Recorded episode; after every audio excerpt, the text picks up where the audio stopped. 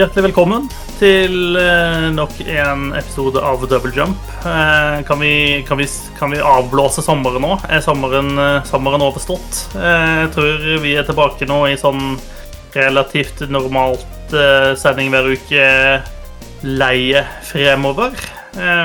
mitt navn er Marit Kjørmo, og vi som vanlig er Susanne Berget. Håvard Ruud. Hei, hei. Og Gøran Solbakken. Halla, Alexander. Bare minne Susanne på at når du vinker, eh, så høres det utrolig godt på podkast. Fuck, ja. Jeg glemmer, jeg glemmer, det. Greit. Jeg skal huske å si noe eh, smart og vittig neste gang. Ja, men det er bra. Det er noen noterer det ned for det. Eller bare vinke jævlig hardt. Mm, vinke sånn at du ser inn i mikrofonen. Mm. Mm. Ja. Vinking intensifies. Um, ja, back, back to work. Folk alle tilbake i arbeid utenom meg her, tror jeg. Den er lei. Den er lei. Det er, eh, det er et eller annet med Altså fire, jeg har hatt fire uker med ferie sammenhengende. Uh, slått av mailsynk og alt mulig på, på, telefonen. Da er det den første dagen er litt lei. Da, da går det litt sakte. Og det er på en måte ikke Det er ikke bare jeg som er treig av natur. Det var eh, Nei, det var, det var vrient, altså. Det var litt tid å starte opp landet igjen, egentlig, etter ferie.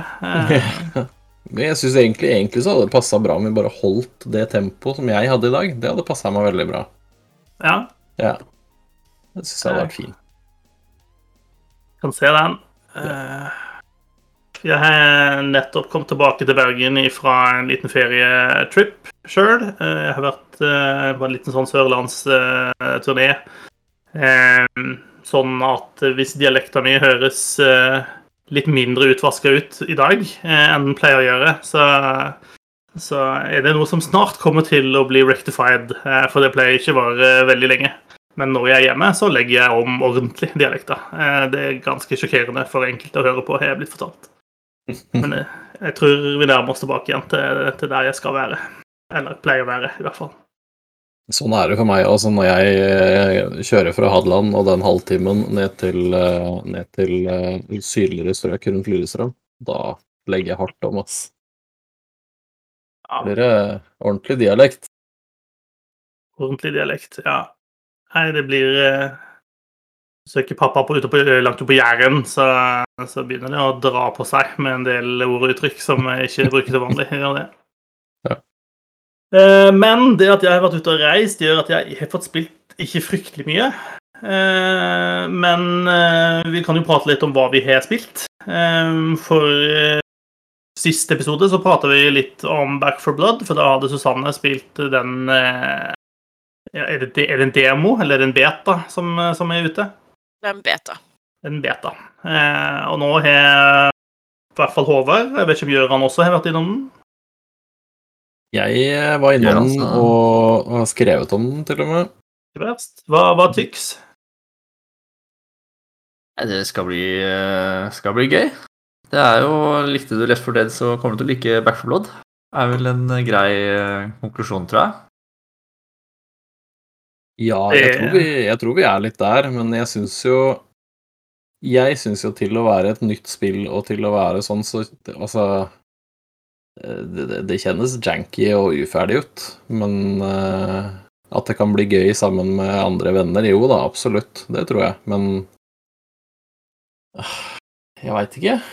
Det kan hende den første, for jeg, når jeg spilte en sånn presseevent, bare veldig kort. Det var ikke åpent på samme måten, så kan hende det var mer issues på den enn det var eh, i, i de beta-helgene, for da har jeg ikke fått spilt. Men det var Det var ikke det var, Jeg syns ikke det var den beste opplevelsen, altså. Det var eh, Ja, jeg veit ikke. Jeg veit ikke hva jeg hadde forventa meg, men jeg hadde forventa meg noe mer. Ja, jeg syns det funka bra, egentlig. Ehm, jeg fikk merke at eh, PC-en min begynner å dra på, på åra. Er ikke så sprek eh, som den en gang var. Så jeg måtte dra ned alt av grafikkinnstillinger og sånn. Det var jo litt uh, kjedelig, det, da. Men uh, jeg hadde ikke noe noe store sånn tekniske trøbbel, eh, egentlig. Som jeg kommer på. Nei, nei det, var, det var litt forskjellige issues. Ja, da, altså, men det var, det var litt sånn Det var helt sikkert av den testen. Men så syns jeg bare det var et eller annet med eh, Altså animasjoner og sånne ting på zombier og sånn som jeg Jeg veit ikke. Jeg skulle ønske det kanskje var mer variert og litt mer eh, detaljert, kanskje. Men jeg vet ikke. Men eh, jeg tror uansett, da, så sammen med tre venner som det coop-spillet der, så tror jeg det kan bli gøy. Jeg syns nivådesign og sånn syns jeg var ganske kult, i hvert fall. Og så tror jeg det kan bli noen morsomme bossfighter og sånn uh, utover i spillet, utover det man fikk se. Så um, absolutt moro, men jeg vet ikke. Det var ikke, det var ikke så stor forskjell på Left 4 Dead og Back 4 Blood, synes jeg, som det kanskje burde ha vært. Ja, det blir litt dypere med det der kortsystemet så du Ja. legger til perks og, og sånn, da. Men uh... Men selve liksom Altså visuelt og skytefølelse Altså det er et litt annet skytesystem, men allikevel så syns ikke Left 4 Dead står så langt tilbake for eh, Black 4 Blood i forhold til liksom skyte, skytefølelse, for så vidt. Men, nei, nei, slett ikke. men eh, nei da, jeg er litt sånn eh, Jeg ble ikke bergtatt, men igjen, jeg tror det blir gøy. Det tror jeg absolutt det blir. Jeg tror det, det blir et kult coop-spill. Mm. Altså, betaen er jo også litt janky, på en måte. Vi hadde jo en del problemer når vi spilte, blant annet med denne botten som låste seg i minigun-posisjon og bare plaffa ned alt med sin usynlige minigun. Eh, men vi ble også kasta ut av matches, og liksom spillet krasja et par ganger og sånne ting. Eh, og jeg er enig i at noen av zombiene er liksom litt for like. Det hadde godt kunne vært litt mer detaljer akkurat på de, men det kan jo være at de ikke har liksom lasta opp den aller siste og aller beste utgaven av spillet, og så sparer de det til launch, på en måte. Ja, ja, Eh, absolutt. Men eh, som bortsett fra det, så syns jeg det var jævlig gøy å spille det sammen med, sammen med venner. Og vi satt jo og måtte liksom minne, minne hverandre på at nå må du blunke, fordi nå, nå har du sittet og stirra og skutt på zombier eh, ganske lenge. Så vi måtte jo ha liksom både pustepauser og blunkepauser eh, eh, etter et par timer. Ja, og så tror jeg Jeg, jeg syns det virker som om det kan være en bra, ganske bra utfordring der, da. Jeg tror du må du må lære deg spillet før du greier det på litt høyere vanskelighetsgrader og sånn. Jeg tror ikke, det var, det var ikke redd for å liksom utfordre spillerne, og det syns jeg er kult. Nei, det, de har noe, det er noen utfordringer der som eh, det krever samarbeid ass, og koordinering, og at alle løper sammen og på samme tid og sånn. Ellers så går det, går det gærent. Og det å snu og hente noen som er eh, driver og spist, da boller det på seg eh, fort, altså. Ja. Ja, og så er det jo noen steder hvor du er avhengig av at alle skjønner at de må liksom Her må de løpe. Her må de løpe fremover. Du kan ikke liksom bli stående i et hjørne og tro at du skal drepe alle zombiene, fordi de spawner uendelig. Eh, for det er jo Du må jo overleve en sånn gauntlet eh, i et av de seinere nivåene. Og da står det jo bare 'survive the gauntlet'. Og vi drev jo kuka i lang tid og bare sånn Helvete satan, så mye zombier det er her. Og så spåna det masse sånn spesialzombier hele tiden. Og vi bare faen, nå er vi tom for ammo. Eh, Han ene fyren har daua to ganger. Hvordan er det meningen at vi skal klare det her? Og så var det sånn Å ja. Ja, nei, vi skal ikke klare det her. Vi skal bare løpe. Ja, vi kunne løpt videre etter 15 sekunder, liksom. Ja. Vi satt fast på, på samme steder, og så sto der og forsvarte den lille firkanten vår eh, Mm. med nebb og klør. Eh, så var liksom løsninga at du skulle løpe videre nesten med en gang. Mm. Det bør jo kanskje forklares litt bedre, da. Ja. ja, det er litt sånne ting. eh, og et par steder i, i løpet av uh, demoen som, som er det første kapitlet, da, hvor uh, vi vi ble stående sånn og prøvde og trodde vi skulle forsvare og, og, og overleve en horde, da. Uh, når vi egentlig skulle bare gå videre fort til oss. Uh, som vi ikke skjønte før på, på andre forsøk. Så altså, der har de nok en jobb å gjøre med å kommunisere, kommunisere det. Ja, jeg gleder meg i hvert fall til eh, spillet ute.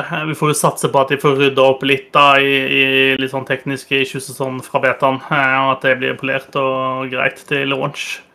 Ja, altså de hadde jo en ganske sånn, sånn ekstensiv eh, rapporteringsfunksjon når du var ferdig med å spille betaen, så du kan liksom rapportere inn alle feilene du fant. Så forhåpentligvis så eh, fikser de jo opp i en del innen launch, da. Det hadde vært veldig ålreit om det fak var en faktisk beta, der de tok tilbakemeldingen og fikk gjort noe med det, og ikke bare en sånn beta som man vanligvis er vant til, som egentlig er bare en liten demo. Bring tilbake demoen, det vil si. Husker gamle dager. Jeg tok bussen ned til Lillestrøm på Narvesen, der hadde de sånne PC-blader der det var med sånn demodisker og sånn. Fy fader, det var Kosta skjorta, da. Det var typ 200 kroner for et blad og sånn, men det, det var det verdt. Jeg husker jeg lasta ned uh, hver eneste demo som kom til uh, Xbox 360 på shoppen der. Mm. Det var, uh, kom vanligvis én i uka eller noe sånt. Eller i hvert fall en ganske sånn satt intervall. Uh, Mm. Jeg lasta ned, uh, ned alle for å prøve Skate-demoen. Den fikk kjørt seg. Den fikk lov å spille en halvtime av gangen inne på en sånn skole, skolegård. Jeg spilte den 15 ganger, sikkert.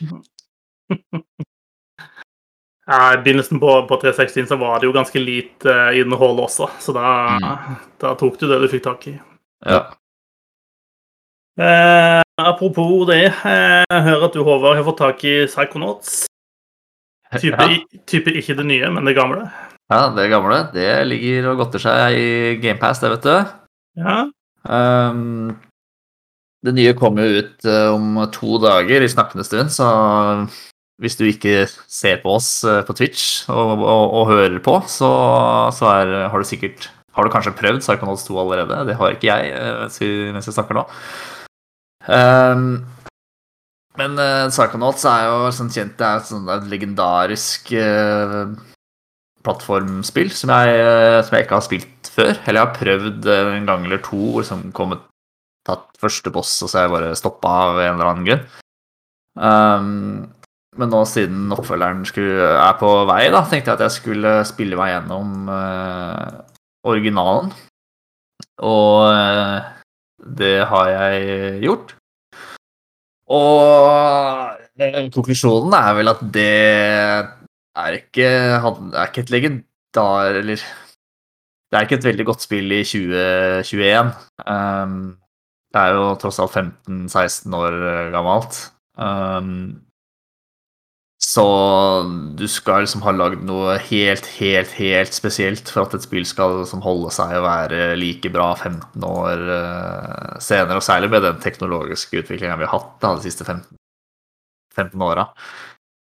Eh, for det er liksom mye, mye mye jank, Uh, upresise kontroller, kamera gjør deg ingen tjenester, i hvert fall. Um, mye Jeg syns mye spillet er sånn kryptisk til tider. Uh, hvor du, sånn, du får ingen uh, Ikke noe sånn visuelt på skjermen som liksom viser deg hva du skal gjøre, eller hvor du skal gå, eller uh, hvilken av de åtte-ni evnene dine du skal bruke, og plutselig så, så er det bare en sånn evne som du ikke har brukt på tre timer, som er helt essensielt for å gå videre til neste gåte, og sånn som uh, Det hadde trengt litt sånn strammere Det stramma opp regien litt. Um, og så er det, det er mye sånn uh, Ja, liksom gå litt tilbake på det med de klønete kontrollene og sånn, som det bare fører til mye frustrasjon, da. Um, og særlig i um, i litt sånn stressende, stressende situasjoner hvor, som, som krever presis, presisjon, da. Da er det sykt frustrerende, og jeg har banna og holdt på å kaste kontrollene veggimellom uh, flere ganger når jeg spilte uh, det drittspillet der. Um, men uh, for jeg ble ferdig søndag. Um, og den de siste timen, drøye timen kanskje, er altså bare Den er så frustrerende, og jeg satt og banna, og jeg kunne ikke skjønne hvorfor de hadde spart den her frustrerende biten til sist. Er liksom det jeg skal sitte igjen med? Bare at jeg har vært sur i over en time. Um, men nå som det som har gått uh, et døgn omtrent, da, så kanskje litt mer, så um, har jeg liksom tenkt litt på hva er det jeg egentlig har vært gjennom. Um, for Psychonauts er jo et innmari kreativt spill. Det er jo Team Schäfer, Team Schäfer som, som liksom er hjernen bak. Han er en, en kreativ type. Um, så det er jo Det er jo mye gøy med det spillet også. Manus er jo tidvis uh, hysterisk. Og og, og, og liksom bare den greia med at sånn, alle altså, kapitlene foregår inni hodene til uh, mer eller mindre sprø karakterer som man møter uh, rundt uh, forbi. Og um, og det er liksom noe med hvordan de, de formidler enkelt Altså de karakterene sine problemer og, og hvordan deres opplevelse av, av, verden er, da. Som Som er så variert og, og og, og, flott, egentlig. Um, og mye ordspill på mental luggage og, og sånn med noe uh, uh, kofferter og sekker og, og sånn som uh, trenger å få bagasje eller lappen sin tilbake. funny, funny ordspill. Um, jeg syns du på liksom humoren og liksom innholdet altså synes du, Virker det også utdatert, eller holder den delen seg bra, selv om det kanskje teknisk viser at det er 15-16 år gammelt? Ja, Det syns jeg, jeg, klarer seg. Det er, er ganske bra. Um, sånn, uh, la jeg merke til hvor mange mannlige karakterer versus kvinnelige karakterer uh, det var. Um, men det er altså sånn kanskje kan skylde på at det er 15 år uh, gammelt, da. Men uh, uh, man møter ikke veldig mange kvinnelige karakterer på, på sin vei. Um, men, nei, men sånn humoren generelt syns jeg er, er, ganske bra. Det er fine ordspill. Uh, karakterene er jo, er jo clean sprø, mange av de, som, som nevnt. Um, når uh, Men til det, tilbake til det tekniske, da, så, så jeg spilte jo på min Xbox Series X. Um, og dette, et veldig gammelt spill kjører faktisk ikke så bra på helt ny hardware. Um, Hele spillet casha tre-fire ganger. Um, det var mye rart med lyden. Sånn en liten bit av uh, av dialogen gikk bare på repeat, mens cutscene fortsatte, mens, men bare de to siste sekundene gikk i loop ti ganger og sånn. Um, som jo bryter opp uh, innlevelsen ganske mye, da. for å si det sånn. Mm. mm. Men uh, ja, så alt i alt er kanskje en eh, seks uh, av ti, eller noe sånt. Men nå er du klar til å hoppe inn i oppfølgeren, da, eller? Ja, det, og det gleder jeg meg faktisk til. Uh, anmeldelsene har jo kommet nå i dag, mandag. Og jeg ser Øystein Furuvik på Gamer kaller det Double Fines beste spill. Jeg så Rune på, på NRK var positiv. Kalte det veldig, veldig morsomt og trilla en femmer. Så Og Jeg har hatt direkte dialog med Rune, faktisk, som, som hevder at kontrollen og sånn er stramma opp, så kommer det på plass, og de, liksom, resten av spillet holder samme nivå som, uh, som originalen, så tror jeg vi snuser på et godt spill her, altså. Kult. Ja, jeg er spent å høre hva du synes om det. Ja, det skal vi nok få høre neste, neste uke, tenker jeg. Godt, godt. Um, selv om jeg har vært bortreist, så har jeg ikke helt klart å holde meg unna fordi det har, det jaggu meg begynt å komme masse ting. Um, så uh, Humankind har jeg måttet kaste meg litt ut i. Uh, først på en uh, jobb-PC jeg hadde med meg på tur litt, og så litt mer etter at jeg kom hjem. Satt litt noen timer i går. Ehm, så litt sånn førsteinntrykk, i hvert fall. da. Eh, og det er, jo, det er jo umulig å prate om Humankind uten å dra sammenligningene til Civilization, fordi det, det, det minner jo veldig om det. Eh, det er ganske åpenbart at det er den delen av strategispillene det ønsker å lese, syns det lykkes eh, ganske bra. Det gjør ganske mye kule ting å komme med den delen av spillet som fungerer Som er mye artigere enn det det er i Civilization. Eh, også Civilization-serien har drevet og endra på hvordan dette funker fra versjon til versjon, og ikke helt klart å lykkes med det. Eh, I Humankind så eh, lar de deg stacke enheter og liksom bygge en hær med ulike enheter, men det er en eh, cap på hvor mange enheter du kan ha med deg. Eh, og jeg lurer på om den er fire eller noe sånt i begynnelsen. Og så kan, etter hvert som du liksom, forsker frem bedre militærteknologi, så vil du kunne øke den. da, eh, Sånn at du vil kunne ha flere eh, soldater og ulike soldattyper med deg når du går i kamp. Ehm, og når du kommer til kamp, så blir det på en måte et eget litt Det danner seg på en måte et eget litt begrensa rutenett Eh, hvor du får plassert ut dine folk, og fiendene dine plasserer seg ut. Og så spiller man på en måte tre runder der begge gjør sine moves eh, på en måte på den samme turen da, eh, i spillet. Eh, sånn at man får utkjempa liksom, et godt slag eller en siege eller hva det er man gjør. Eh, og hvis man ikke blir ferdig der, så vil den kampen fortsette i neste runde, og eh, alle soldatene vil da være låst eh, i det området.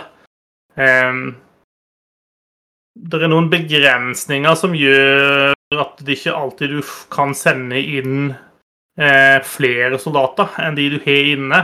Så det kan være litt vanskelig å forsterke, og det, det føles litt sånn weird. Det er litt sånn nei, nei, du må forske frem organisert militær struktur eller et eller annet sånt for, for, at du kan sende inn forsterkninger. og Det høres litt sånn rart ut, på en måte. Eh, men, eh, men det, er noen, det, det, er nok litt for å begrense at ikke du skal kunne bygge deg opp eh, hundrevis av soldater og, og, bare pøse på alt i, i samme, samme, slag. Eh, for det vil sikkert spillet ikke tåle. Eh, men den taktiske biten av det da, eh, fungerer ganske greit. Det er ikke veldig, det er ikke noe high strategy i det, men Eh, der er liksom du får, der er bonuser og penalties alltid om man har high ground i forhold til der man angriper, om man må krysse en elv, om man kan søke flyktning i et skogsområde, om det er bygd murer eller befestninger osv. Eh, og det er også en del sånn eh, Vanlige fotsoldater de kan skalere byvegger, men det kan ikke eh, hesteryttere, f.eks. så det er del, er en del strategi inni de kampene som, som, gjør det artig, da, og gjør at kamp blir noe mer spennende enn bare eh, en sånn matematisk utregning av den hæren mot den hæren ferdig. Eh, og Det setter jeg ganske pris på. Så det, det syns jeg funker bra. Ellers er det på en måte hovedforskjellene da, fra Civilization er at i Civilization så velger du en sivilisasjon som du ønsker å spille. Eh, det gjør du ikke i Humankind. Her starter alle som en eh, eh, si, uidentifisert eh, nomadegjeng eh, som driver og valser rundt i skog og fjell eh, før de liksom klarer å settle og komme seg opp på et nivå hvor de kan begynne å lage en by. Eh, og for hver sånn age du oppnår, så velger du deg en sivilisasjon. Eh, så i den første agen, da, når du er klart å liksom, få etablert den første byen din, så kan du velge en av eller om det er ti ulike sivilisasjoner. Eh, så må du da være en av de, og alle sivilisasjonene har ulike bonuser og sånt. Og de tar du med deg. Eh, og sånn at i neste eh, age du kommer til, så velger du en ny sivilisasjon igjen, eller altså en ny kultur, da, det er vel det de kaller det. En ny kultur. Sånn at du bygger din sivilisasjon ut på ulike kulturer. Og du tar med deg bonusene videre til en viss grad. Eh, eh, og det er egentlig en litt kul måte å gjøre det på, eh, som jeg kan sette pris på, men det er også noen sånn eh, Det gjør at det blir hele tiden et race for å være først, førstemann til neste age. For den som kommer først, den får også velge først. Eh, og hvis jeg har valgt at jeg vil ha egypterne i den agen, eh, så kan ingen andre velge egypterne. Eh, så hvis du er litt treig inn til ny age, så blir du sittende igjen med svarte per liksom, og får ikke det du hadde lyst til, eller det som passer på en måte din spillestil, eller det du har bygd opp denne kulturen din til å bli. da. Hvis du vil satse på handel, så er det kun bare liksom, en sånn en kultur med krigsbonuser igjen, så hjelper ikke det deg nødvendigvis så fryktelig mye. Um, og For å avansere i Aja så har de laget et stjernesystem hvor du på en måte må oppnå altså du må få ulike stjerner. og Det er altså da med, få, å oppnå ulike mål som spillet setter. Sånn type forske frem ti nye eh, sciences, så får du en science-stjerne. Eller tjene så mye penger, så får du en trader-stjerne. Og når du har fått nok stjerner, uavhengig av hva slags stjerne du har fått, så kan du gå inn i en ny age. Eh, og gjennom alt dette så samler du opp fame. Og fame er det som avgjør om du vinner spillet til slutt eller ikke. Nå har ikke jeg spilt et spill helt til slutt ennå, men jeg har skjønt det som at du kan, selv om du er den som på en måte avslutter spillet, du oppnår en, det som gjør at spillet avsluttes, så er det ikke gitt at det er du som vinner, for noen andre kan ha fått mer fame points i løpet av spillet enn deg. Eh, F.eks. noen har bygd veldig masse wonders, det får du mye fame av. Eh, så, så, kan de ha gått forbi deg, selv om du avslutter spillet med å slå en fiende eller vinne en cultural victory eller sånt. Ja.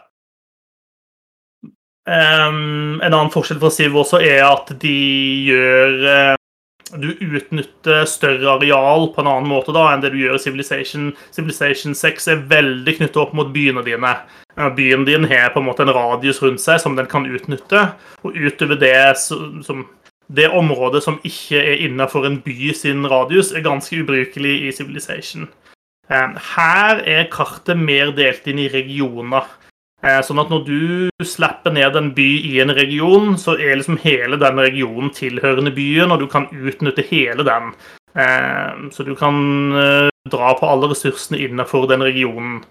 Og på en måte i regionen ved siden av så kan du velge om du vil bygge en by der, eller så kan du også bygge en outpost, og så kan du attache outposten til den første byen din, og dermed i praksis utvide byen din til også den regionen. Ehm, så du kan, du kan, fort ha en by som eh, trekker på både tre og fire regioner, eh, og dermed kan hvis, hvis, du, hvis, du, ønsker å spille på, på den måten, eh, så kan du gjøre det. Det syns jeg er ganske kult. Og du kan gjøre ganske mye stilig innenfor regionen din, men alt har selvfølgelig en, en kostnad også. og jo, jo, større måte, område du har, jo større stability penalty vil du ha. Så det vil jo alltid være en balanse. Eh, og Det er også en cap på hvor mange byer du kan ha, så det må du også drive og balansere. Så Førsteinntrykket er i hvert fall at de har en del kule ideer her. De har noen ting som gjør at det skiller seg godt ut eh, fra Civilization, samtidig som det er en del velkjente ting her. Det er veldig mye sånn bare en tur til-greie. For det er, at det er alltid noe spennende som skjer neste tur, så du har lyst til å ta den også. Um, og jeg er litt, litt bekymra for replayabilityen så langt. Eh, så det, det, må jeg jo se litt mer etter hvert, men, men eh, eh Civilization 6 har hatt et par år på seg til å komme med utvidelser og DLC-er og sånne ting som gjorde de og det mer gjenspillbart også. Det, det kommer nok også Humankind til å trenge. Eh, men i den grad ambisjonen til Humankind var å utfordre Civilization, så synes jeg de i stor grad lykkes med det. da. Så liker du Siv, er det høy sannsynlighet for at du liker Humankind. Du kommer til å trenge et par timer til liksom å snu, skru rundt i huet ditt om hvordan at dette ikke er Siv, at dette funker litt annerledes. Eh, men det, det, kommer til å gå fint, og du kommer helt sikkert til å like det også. Så absolutt verdt å, å sjekke ut. Eh, Humankind ligger også på GamePass på PC. Så tilgjengelig for mange. Det er gøy at det er flere som tør å tør å begi seg ut i, det, i den sjangeren også. Det, ikke, det, det, renner jo ikke over av nye, altså større utgivelser, da. Det gjør ikke det. Eh, og, men utviklerne av Humankind har jo etter hvert bygd seg opp eh, til å være eh, kapable strategiutviklere, da. Eh, Amplitude Studios har vel lagd disse Endless serien, altså Endless Space og Endless Legend og Endless Space 2, ja, ja. Som, som, alle har fått eh, si, gode skussmål. da. Eh, og Dungeon of the Endless lagde de for så vidt også. Eh, så de har liksom bygd seg litt opp, eh, og så virker det som at de, de liksom prøver å ta, løfte det enda et hakk da, med Humankind, og det syns jeg de eh, synes jeg for så vidt de lykkes i. Mm. Så det er verdt å følge med videre på hva mer som kommer til Humankind, men også hva mer Amplitude eh, planlegger fremover. Kan vel også slenge inn at uh, Fireaxis ryktes ganske sterkt at de holder på å utvikle et nytt Civilization, men uh, yes. Er ikke det, det Er det tidlig, sammenligna med hvor lang tid det går mellom Spillet til vanlig, liksom? Nei, altså Civilization 6 kom ut i 2016, da. Eh, så det er jo blitt ganske gammelt. Er det så lenge siden? Ja, det er faktisk det. Åh, det har vært ute en stund. Nå ble jeg gammel med en gang. ja. Så nei, det begynner å bli dags for et nytt Siv. Det gjør jo det. Ja. Um, ja. Men det får vi, eh, får vi, følge med på når Faraxis letter litt mer på sløret. Eh, utenom Humankind, altså når jeg kom hjem, så var det liksom bare å starte Xboxen og sette på nedlastinga. For der lå det jo det ene etter det andre. Der lå det 12 Minutes eh, lå og venta. Det skal, skal, vi alle spille til neste episode. Så det er bare å kaste seg uti med oss. Eh, der lå det Paris-utvidelsen til Assassin's Creed Valhalla som er kommet ut. Eh, så der har du sikkert plusset på en god eh, vet ikke jeg, 30 timer eller sånt på det spillet, hvis ikke det var nok fra før av. Eh, men på den lille tida jeg har hatt, så har jeg liksom ikke orket å liksom legge meg ut på noen av de tingene. Men jeg klarte ikke å unngå å installere Hades på Xboxen, for det er også kommet ut der. Og det, det er fortsatt et fryktelig bra spill, altså. Så jeg det satte meg ned i, i, i, går kveld og starta opp det spillet eh, i skjebnelig tid. Eh, og det var ikke skjebnelig tid lenger når jeg gikk og la meg. Så ja. Nei, de har eh, Der har de greid å treffe en eller annen balanse mellom eh, alle elementene i spillet som veldig få greier. ass. Det er, det er, det er fryktelig lite som er gærent i Hades. Det er så bra. Og ja. Dessverre så er det, ser ikke ut som det egentlig er noen måte å overføre saves på fra Steam-versjonen, er vel det jeg har, til, eh, til Xbox-versjonen. Det ryktes at det er en veldig uoffisiell workaround som det går an å gjøre. Eh, jeg leste noen på nettet som har Altså, du kan kopiere Steam-versjonen din inn, og så installerer du eh, Windows Store-versjonen. Det kan du gjøre via GamePass. Eh, og så kan du på en måte klare å finne savegama inni der og så bytte de rundt.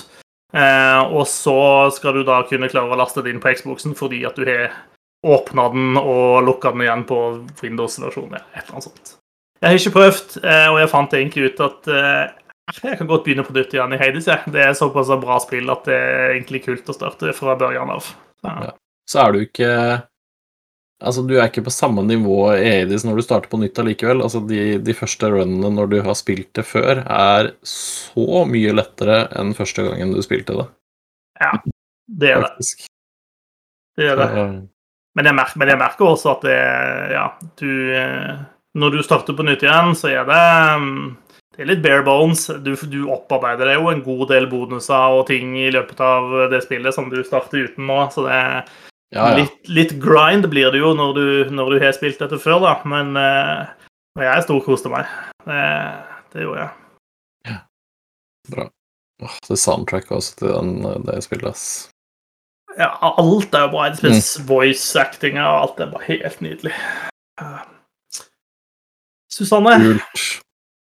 hva har du drevet på med den siste tida? Jeg har jo eh, kost meg i Cozy Grove, da. Uh, Ja. Driver og sjekker innom der uh, hver dag, egentlig, for å liksom samle inn uh, frukt og nøtter og snakke med disse spøkelsene som har store vansker med å gi slipp på på etterlivet, holdt jeg på å si. Nå har jeg fått en en gjest som er en sånn konspirasjonsteoretiker, doomsday prepper-type person. Eh, så det er veldig spennende. Eh, og jeg har også fått en sånn midlertidig gjest som en gang i uka type faller av yachten sin og, og vaskes i land på øya mi. Og så må Ja. du hjelpe henne med å se liksom presentabel ut, da. Før hun forsvinner ut igjen. OK. Ja. Eh, og så hadde jeg store planer om å begi meg ut på eh, 12 Minutes. Eh, men så gjorde jeg den feilen med å scrolle gjennom eh, Nintendo e-shoppen. Eh, hvor jeg da kom over et lite spill som heter Button City. Eh, som er lagd av amerikanske utviklerselskapet som heter Subliminal, som holder til i New Mexico eller noe sånt eh, lite selskap som har lagd et kjempesøtt spill om, eh, om vennskap og, og spill, rett og slett. Eh, eh, du trer liksom inn i, i rollen som en liten eh, rev som heter Fennel, som har flytta til en helt ny plass.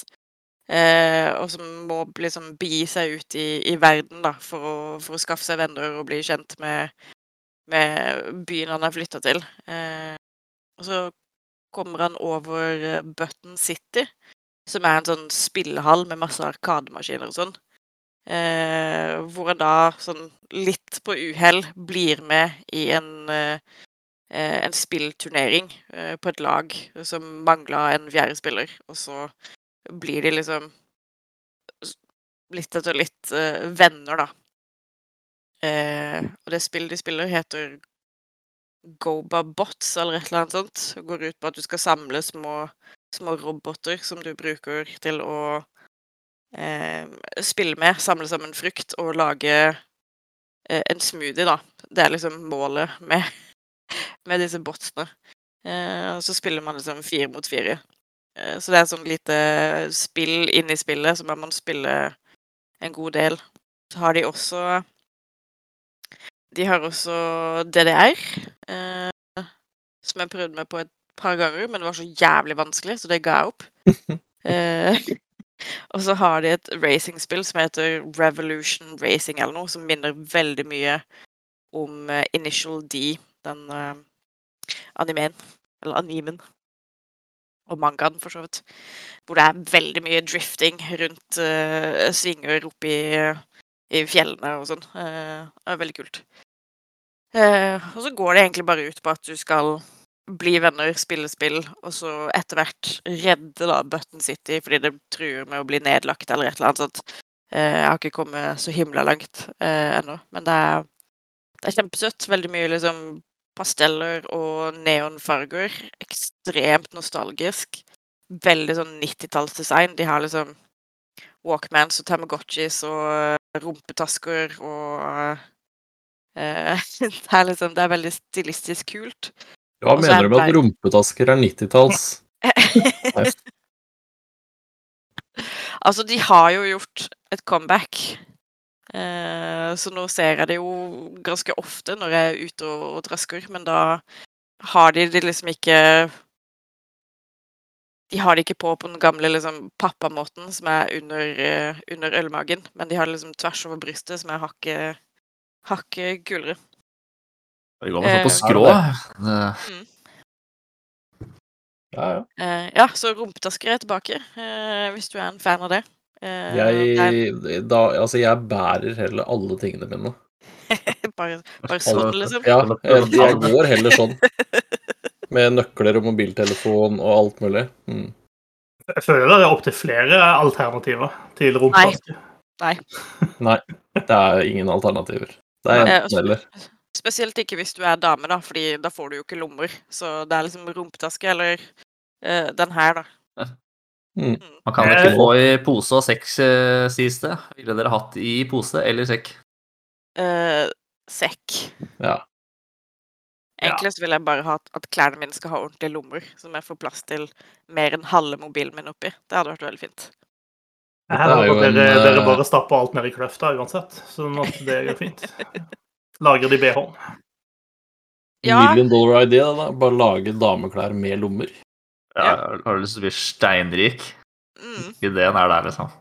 Må lære å sy, da, men, men jeg, jeg, Nei, det er jo den siste bastion of male privilege eh, på bukselomme. Nå må vi, den må vi holde på. Mm. Tviholde på bukselommene, sånn at ikke feministene tar over alt. Yes. Ja, jeg ser den. Mm. Ja, nei, det er jo et eh, norsk klesmerke som spesialiserer seg på å lage liksom eh, kvinneklær med lommer, men de tar jo også sånn 2500 for en enkel skjorte, så eh, Lomme er dyrt, vet du. Spesielt det rart. kvinneklærlomme. Det er sikkert en mann som eh, er helt øverst, uten at du vet det. Ja, ja, ja. En eller annen mannlig investor eller noe sånt som har sagt at Det er han som har skjønt at, øh, at han må komme alle de andre i forkjøpet og begynne å liksom uh, sko seg på at uh, kvinnen har begynt å bevege seg ut av kjøkkenet og trenger ting å putte sleivene og steikespannene sine i. I. Ja, ja. Det Men en gang jeg begynner å lage kvinneklær med lommer i, så halveres prisen, vet du. Mm. Ja. Ja, det er et uh, veldig trivelig spill. Uh, Ja, det var det vi snakka om, ja. Ja. uh, verden består bare av liksom forskjellige lag med type Her har du huset ditt, her har du en butikk, her har du en kafé, her har du Button City, og så bare teleporterer du mellom de forskjellige firkantene, da. Eh, Det ser veldig cute ut. eh, karakterene er kjempesøte. Eh, den hovedkarakteren som du spiller, er liksom nervøst vrak mesteparten av tiden, og det er veldig adorable. Eh, og så er det liksom utrolig trivelig musikk. Eh, men jeg har jo skjønt i ettertid at det er litt sånn kontrovers da rundt den musikken, fordi han komponisten, som heter jeg vet ikke, Pedro Silvia eller et eller annet sånt, eh, går under navnet Slime Girls. Eh, han har også lagd musikken til Ublet.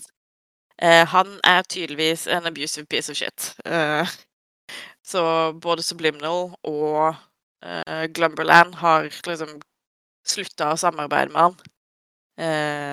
Fordi han er et rasshøl, liksom. Mm. Men Button City er jo et et lite spill, og teamet er lite, med et begrensa budsjett, så de hadde liksom ikke tid eller penger til å eh, komponere ny musikk til spillet. Så de har fått litt sånn, litt sånn flack for det, da, i sosiale medier. Men eh, ja. Jeg bare skrur av musikken, og så er det greit, tenker jeg. Eh, han får, han, eh, komponisten får jo ikke noe royalties eller noen ting for når du kjøper spillet, så de har liksom De har sitt på det, på det reine, da, på en måte. Ja. Men eh, ja, det er sånn drama jeg fant ut av i etterkant. Så kan ikke folk bare være ålreit med hverandre? Det hadde blitt så mye lettere, Ja. tenker jeg da. Vi hadde hatt mye fikk, mindre å eh, diskutere, da. Så Det er sant. Ja, ja. Det, Ja. det fikk, fikk dere med dere under åpningsseremonien eh, OL i Tokyo. Eh, så spilte de masse musikk fra forskjellige anima og dataspill og alt mulig rart. Eh, vanligvis når det skal arrangeres OL, så leier de inn en komponist, gjerne en lokal komponist, til å lage noe svære, svulstige, voldsomme greier som skal gå. Det hadde de gjort i Tokyo også. Men eh, når det begynte å nærme seg, så fant de ut av at han var en abusive shit, eh, han komponisten. Så da bestemte de seg for å sparke han ut, eh, og da var det liksom et par dager igjen. Eh, så da var det liksom bare OK, eh, du og du, dere må bare slenge sammen et eller annet vi kan spille, mens disse lagene driver og går rundt inne på åpningsseremonien.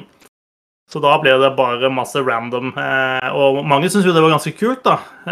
Men det var jo en del som stilte spørsmål med hvorfor liksom, Det var ingen nyinnspillinger. Det var liksom det var liksom basically bare ripp av liksom Altså, kvaliteten var kjempedårlig, da. Jeg var bare henta sånn rett ifra åpningssekvensen på den animen og sånt. Eh, men det det var fordi noen satt hele natta og prøvde å få dette klart til fristen, liksom. Eh, ja.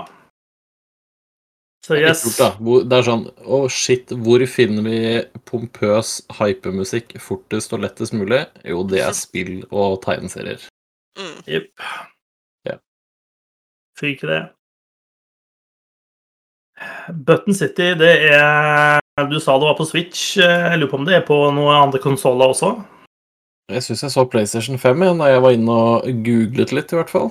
Mm. Ja, jeg tror du får det på alle konsollene, tror jeg. Ja. ja. Jeg følte ikke så nøye med, tydeligvis, når jeg så PlayStation 5. Ja, jeg kan sjekke. Jeg leste jo i stad. Kan være verdt å sjekke ut det, hvis du liker søte dyr som spiller kardspill. Og hvem gjør vel ikke det? Jeg liker at du er inne på den der koselige spilldriven din, Susanne. Det, det sprer litt glede utover 'nå skal jeg skyte alle fortest mulig'. Hvor, hvor er Destiny Murder Girl, eh, som vi hired eh, i denne podkasten? ja, nå er det snart new season, da, så det blir nok mer Destiny-prat etter hvert, tenker jeg. Det ryktes at, uh, det ryktes at Mara Sov kommer tilbake, så oh, shit. Mm. Skal bli fett. Det blir annonsert i dag, da. Nå, mer eller mindre. Ja. Jeg tror det var i dag. En eller annen gang. Mm. Så de uh, driver visst og jobber med å få til noe anti-cheat-greier etter hvert også, men så ut som det var en stund frem i tid. Yes, Er det noe annet du har spilt, Susanne, som du vil trekke frem her? Nei. Nei. Nei. Det er helt greit. Ja. Gjøran? Ja. Eh, jeg har hatt ferie som skulle liksom tro at jeg hadde hatt tid til å spille masse ting. Eh, men eh, jeg har hatt en liten Jeg har hatt ferie fra, fra nesten alt av, av, ting jeg gjør til vanlig. Men jeg har spilt mer Final Fantasy 14 og Path of Exile. Men det har jeg på en måte Føler jeg kanskje har vært innom de to før. En gang eller to, kanskje? En gang eller to. Uh, Final Fantasy det, det, fortsetter å være morsomt. da. Jeg er typ level 40 et eller annet, så jeg er ikke ferdig med første liksom, originalgreie enda. Det tar jo vinter og votter å spille seg gjennom, men, uh, men det er gøy. Uh, ellers så er det litt sånn I Path of Exile så har de jo nå sluppet en Altså det har kommet en ny league for tre uker siden. Jeg skal ikke prate så mye om spillet nå. Nå er det, nå er det andre ting jeg skal diskutere rundt det. Eh, eh, de slapp en ny league, og i forkant av denne leagueen så er det altså det er en sånn veldig sånn satt prosess, da, eh, med at de gir ut sånn development manifesto hvor det står masse ting om hva vi endrer, og så kommer det patch notes der det står veldig detaljert hva de endrer. Altså det er en hel sånn greie. og før denne leagueen her nå, så har de bestemt seg for at vi må gjøre noe med denne power creepen som kommer.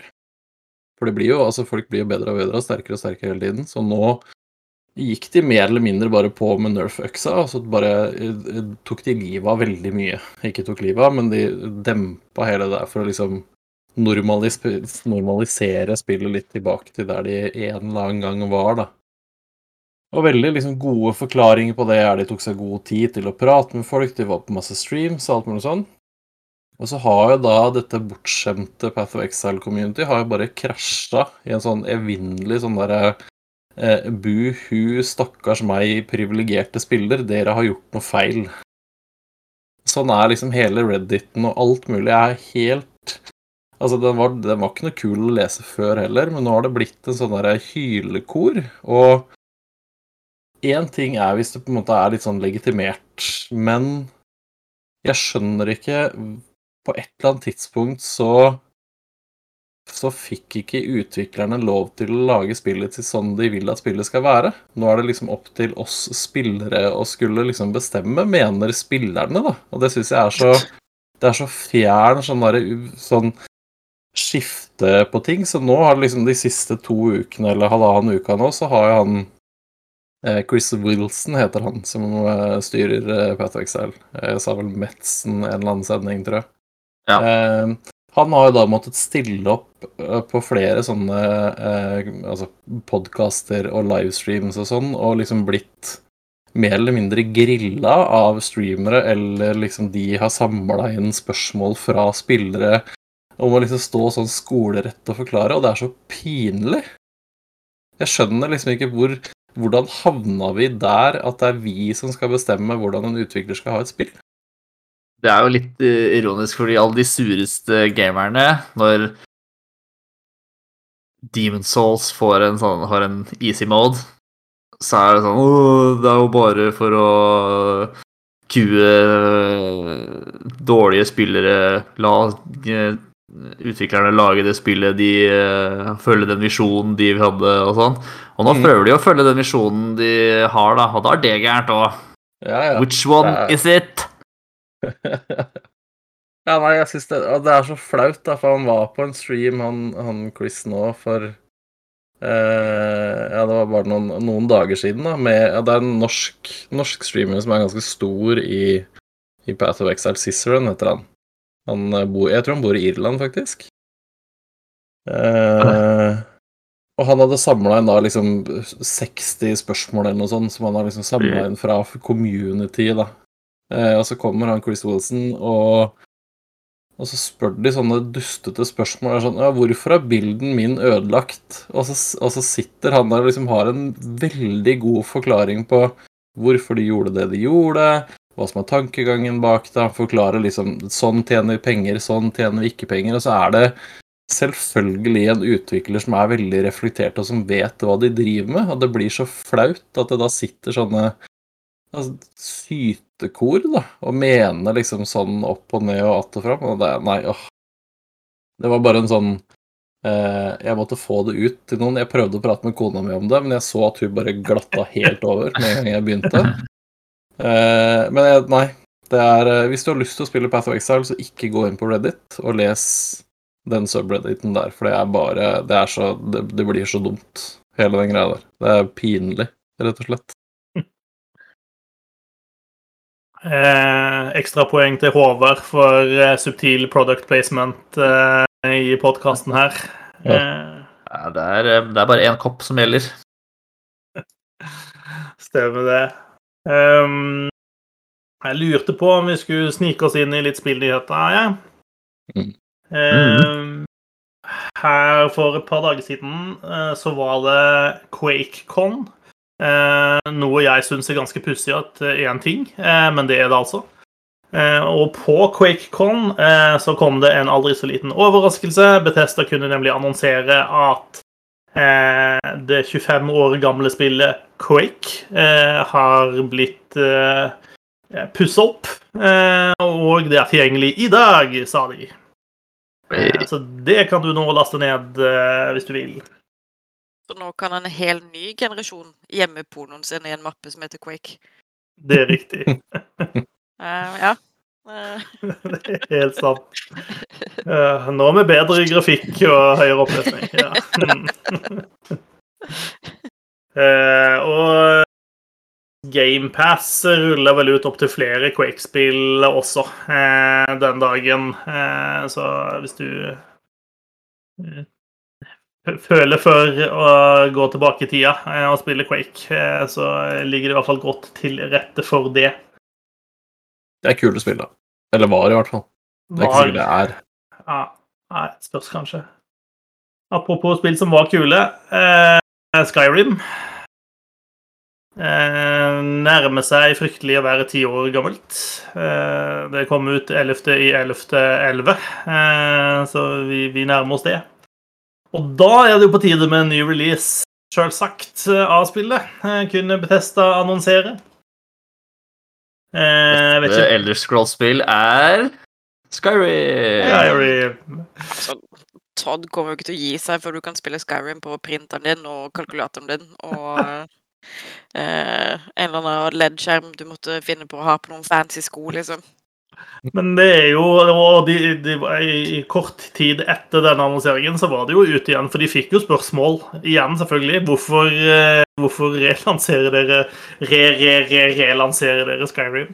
Eh, og han sa jo det at så lenge altså, han, Millioner av mennesker spiller fortsatt dette spillet. Eh, markedet er der. Så inntil, dere, inntil vi slutter å spille, eh, så kommer de til å fortsette å gi Skyrim, altså.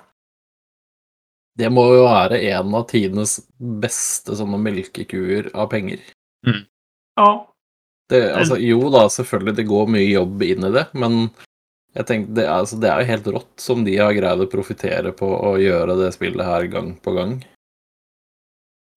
De har jo klart noe som få andre rollespill har klart. Det er litt sånn, Vi nærmer oss nesten sånn GTA-nivå, liksom, på melk her. Det, Ja, det, er helt, det er helt rått. Det, er- det beundringsverdig, men det sånn Altså, jeg, jeg også er jo en av de som eier Skyrim på sikkert fire forskjellige steder, i hvert fall.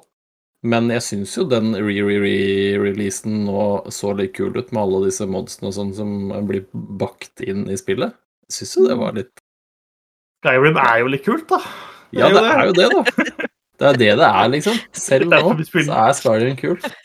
Ja, den, den nye versjonen skal jo da være den eh, Det er jo et ny anniversary, da, men den inneholder da den gamle anniversary edition.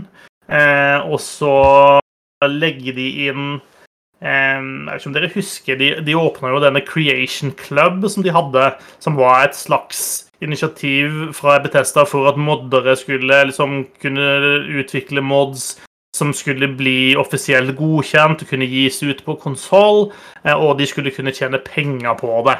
Eh, Altså Dette ble en del av Bethesda sin økonomi. Det endte vel stort sett opp med at Bethesda tjente penger på det, og ikke så mye modderne nødvendigvis. men eh, det er noe så. Men i hvert fall der har de da plukket ut over 500 av sånne mods fra den Creation Club, som du sannsynligvis ikke har spilt så mye av, fordi det er så mye gratis mods til, til det spillet, så hvorfor i alle dager skulle du kjøpe 500 mods, liksom? Eh, nå får du de her, eh, og de har også gjort noen andre ting. Blant annet eh, har de lagt inn fisking i Skyrim. Så nå kan vi fiske. Ja, ja kanskje endelig skal gi eh, Skyrim en skikkelig sjanse. Det var fiskinga som tippa det over. Yep. Ja. Nå er det et helt nytt spill. Yes. Skyrim er kult, da. Det er det, altså. altså. det er gøy. eh, Det kommer til Jeg tror det skal slippe på, på anniversary-dagen, så 11. november eh, blir det å finne. Jeg antar at denne versjonen også blir å finne på GamePass, der Bethesda sine andre spill ligger. Ehm, Cyberpunk 2077 er vel ikke helt eh, klart å oppnå samme status som Skyrim eh, ennå. Uh, de driver og prøver å få spillet til å funke, eh, og nå kommer snart 1.3-utgaven. Patch 1.3. Eh, og den Jeg, jeg føler vi, som vi, har, vi, har, vi har sagt dette før, men den kommer med hundrevis av nye endringer eh, som skal gjøre spillet bedre og mer stabilt, og at det skal funke bedre og sånn. Snart Eh. anniversary for det spillet òg, er ikke det? Hadde ikke det i sånn september eh, i fjor? Kanskje. Jo, det kommer. Ja, jo, jo, tror du har rett i det. Eh, I tillegg så kommer det noe gratis innhold, altså noe nytt innhold eh, i spillet. Eh, og det, det, det er basically ingenting. Altså sånn, jeg tror det er to jakker, én bil og et uh, nytt skin til Johnny Silverhand. Liksom. Det er det nye innholdet. Eh, og Slutt, tids- ikke prioriter det. Nei, det er vel det de sier også, at vi, de har ikke prioritert det. det, det, Ja, de, det sa, de sa det det vel ganske tidlig etter release, det at det var sånn Nå vi legger all DLC på is for nå, og så prøver vi bare å reparere spillet. Ja. Men det er de- eh, Ja. Det begynner vel å nærme seg at man kan eh, plukke opp eh, Cyberpunk og spille det som et fungerende spill, kanskje. Ja, verst er at jeg tror jeg fortsatt ville venta litt hvis jeg var deg. um, Uff. en av endringene blant annet, er at du får muligheten til å, å resette talenttreet ditt. Uh, hvis du har funnet ut av at uh, du egentlig vil spille på en annen måte. Som jo er greit, men eh, Ja, jeg tror jeg gir det et år til, jeg, altså, før jeg hopper inn igjen i Cyberpunk. Jeg likte Cyberpunk, men gud bedre så mye det spillet prøver. Eh, at du skal mislike det. Eh, Ja. Eh, litt salgstall, det er vi jo alltid glad i. Eh, Biomutant har solgt over en million eksemplarer. Eh, og tjene gode penger. Eh, ifølge utvikleren så hadde de broke even allerede etter første uke etter salg. Eh, så der går det ganske bra. Noen som ikke break even, er Outriders. De har visstnok solgt over tre millioner eksemplarer. Og der er det litt sånn litt sånn kald front, virker det som, mellom utvikler og utgiver. Fordi utvikleren sier noe sånn som at eh, ja, vi vet jo ikke engang hvor, hvordan økonomien går i dette spillet, men vi har ikke fått noe penger ennå. Eh, og det er visst vanlig for de å ha en sånn type avtale av at de, de får ikke penger før spillet har tjent inn igjen utviklingskostnadene, inkludert PR, eh, fra, fra utgiveren. og det, det de sier, da, er at siden vi ikke har fått noe ennå, så må vi jo bare anta at det ikke har tjent noe penger ennå, da. Det høres ut som en jævlig sketsj. Ja vel. Ja. Det spesielt. ja da. Det kan jo også tenkes at uh, utgiveren har har finansiert uh, det meste også, da. Uh, Jo da. For all del. Men eh, ja, det høres litt rart ut, og det høres også veldig rart ut at ikke de har ordentlig innsikt, i hvert fall, i liksom tallene og Ja. sånt. Det er, veldig, det er veldig rart for meg. Ja. Mm. Eh, og til slutt eh, så kan også våre venner i Embracer annonsere at eh, i april og juni så solgte Valheim ytterligere 1,1 millioner, og nå bikka 8 millioner solgte eksemplarer Jesus Christ. siden launch. Ja, faen, jeg må plukke opp Valheim igjen. Ja, men de må jo komme litt med litt mer innhold først. Ja. Ja. Det, de, de er solgt, så de må ansette folk og sette i gang og utvide. Ja, Mm. rett og slett. De har vel fortsatt ikke sluppet den første delscenen ennå til det? Den, eller den, den Home and Heart-utvidelsen sin? Nei, jeg tror ikke det. Nei. Så keep working at it. Eh, Det spillet er kjempekult. Mm. Eh, til slutt eh, Det kom noen litt sånn pussig nyhet eh, angående Halo Infinite. Eh, for når det spillet slippes, så er det uten en del features som mange forbinder med spillet og forventer skal være der. Eh, blant annet kan du ikke spille gjennom kampanjen i coop. Eh, og du får heller ikke med den forge-moden som gjør at du kan liksom redigere kart og sånn til multiplayer, som har vært veldig populært. Eh, Hva faen tenker de da, når de slipper å spille uten co-op-modus? Det er liksom. Ja, det er, altså, det er så hvordan kan det ikke være der? For kampanjen er vel der. Ja! Det er helt, altså akkurat den der er helt Den er så fjern. Den er så langt unna det liksom Halo-folk, altså fans, vil ha. Altså at Forge-greia kanskje kommer en måned eller to etter release, det, det er ikke noe krise. Men det er sånn Sorry, folkens, men du får ikke spilt Halo du sånn som du fikk spilt alle de andre Halo-spillene.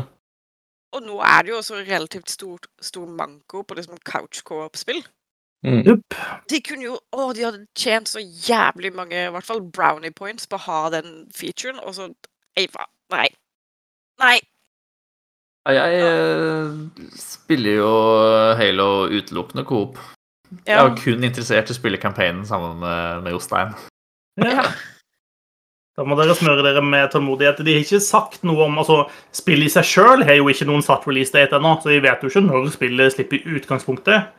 Eh, og så når de sier at disse to tingene ikke vil være med launch, så sies det at spesielt Forge Mode kommer til å være mye forsinka. Eh, da snakker de om at den kommer nok ikke det første halvåret, i hvert fall. Eh, Ut ifra det går det kanskje an å tolke at co-op-moden ikke kommer til å være like mye forsinka. Er det, hvor lang tid kan det ta? Det alt du trenger å kode, er liksom add another player? Yes, no. yes. Kom igjen, Press Bill yes. Gates. Ja. Du trenger noe penger på, på bordet her. Get her done. Fiks.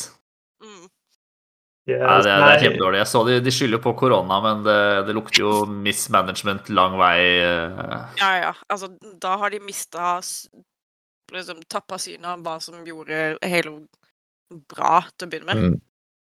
Men jeg, jeg, jeg, jeg har jo litt sånn følelsen av at um, det er et skifte fra Microsoft sin side også. At de med GamePass så er de, er de altså, Release-datoen er ikke så viktig lenger, fordi de skal drive og jobbe og videreutvikle spillene sine. altså De ser spillet over en lang tidsperiode uansett. Ja, og de har jo på en måte hinta til at Halo Infinite, eller Infinite, eller faen det heter, blir en slags Destiny-aktig hub-spill, da, som de kommer til å bygge på og bygge på og bygge på. Men det Nei. Det gjør, det gjør meg sint at de ikke har co-op eh, ved launch. Det er jo ganske frustrerende når et spill du har venta lenge på å komme ut, og bare sånn, men du må vente tre måneder til før du kan spille det sånn som du har lyst til å spille det, og sånn som du har spilt alle de andre spillene i serien. Ja, da kommer jeg jo faen ikke til å kjøpe det på launch. Da kommer jeg til å kjøpe det når du får co-op. på en måte. Ja, samme her, altså. Det, det mener jeg er fullt alvor. Jeg skjønner ikke hva de tenker. Nei, akkurat den er veldig rar. ass. Veldig, veldig rar. De har sjekka at Susanne og Håvard har GamePass-abonnement, eh, og kommer sikkert ikke til å kjøpe spillet anyway. Så, Kanskje de kommer til å spille Gissel, og så må vi betale ekstra for å få co-op. ja. Sånn Ja, jævla, her- Dis- jævla Disney pluss-opplegg. Ja, Ja, her er campaignen, men du må betale 399 kroner for å kunne spille det med en venn. 100 kroner hver gang du skal add eh, player 2. Ja. Mm. Ja, det er sikkert faen meg gjort også, det er det verste. Ehm, er det noen av dere som husker spillet Wild? Det husker jeg. Uh, for det ble annonsert eh, Eller vist for første gang på Gamescom i 2014 med oss to i salen, Marius. Ja. Jeg skal innrømme at det hadde slipped my mind, det spillet, inntil jeg ble påminnet det tidligere i dag. Ja, eh, litt triste omstendigheter, da. Ja. Eh, fordi spillet er etter alt å dømme kansellert. Ja. Det er jo litt synd, men altså litt sånn ikke, Det blir jo vist fram eh, litt mer eh, året etter på Tokyo Gameshow, tror jeg. Um, og så har du liksom ikke hørt noen ting, så Så lei meg er jeg jo heller ikke. Men liksom det vi fikk se eh, eh, For det har jo sånn gått litt i glemmeboka. Men det vi fikk se til å begynne med, så jo veldig gøy ut. Liksom. Det virker som du spiller sånn sjamanaktig gjeng som uh, du kan ta kontroll over dyr og, og bevege deg rundt i en tilsynelatende ganske stor, åpen verden. Så det så jo veldig eh, ja, fresht og nyskapende og, og interessant ut. Det skulle jo være eksklusivt eh, Sony-spill, og det var eh, Michel Ancel som på en måte styrte utviklinga av det. Eh, hvis det navnet ringer en bjelle for deg, så er det fordi han er mannen bak Rayman og Beyond Good and Evil. Men han har da tilsynelatende for en stund siden trukket seg ut og vekk fra dette. Og selv om det ikke er, så vidt jeg har fått med meg, så har det ikke kommet en offisiell uttale om at ja, spillet er kansellert ennå. Eh, men journalister som på en måte har vært og gravd i det, har konkludert med eh, at dette spillet er dødt, og det er ingen utvikling som foregår på det. Så ikke noe eh, stort overlevelses-sjaman-rollespill på deg med det første, Håvard. Dessverre. X. X, Tix, Potit Mix. Eh, denne sendinga går mot slutten. Eh, det var hyggelig å se dere igjen. Det skal bli godt å komme en sånn ordentlig gang etter ferien. Eh, neste uke skal vi spille 12 Minutes. Eh, det er bare å spille med oss, så skal vi gå gjennom hva, hvilke tanker vi har om det neste uke. Jeg skal lage en eh, 50 minutters presentasjon om hvor heit James McAvoy er. Klarer du å presse den ned til 12? Jeg får se. Holder ikke med å se skik skikkelig. Han er skikkelig heit, liksom. Ferdig. Ja, Takk for men at du jeg kom må- til mitt TED-talk. Ja, men jeg må også gå gjennom alle filmene hans eh, for å så velge ut den filmen hvor han er heitest. Har du hørt eh. Har du hørt på den eh, lydboka? Hva heter den, da? Med han eh, Sandman? Han, har vel, han leser vel inn noen stemmer der. Mm. Veldig kult. Der òg. Vi kommer til å lansere vår egen James McAvoy-podkast neste uke. Eh, Nei, det blir bra. Eh, heng med oss. Eh, vi fortsetter på Twitch og på din lokale podkast-avspillingsenhet eh, også neste uke.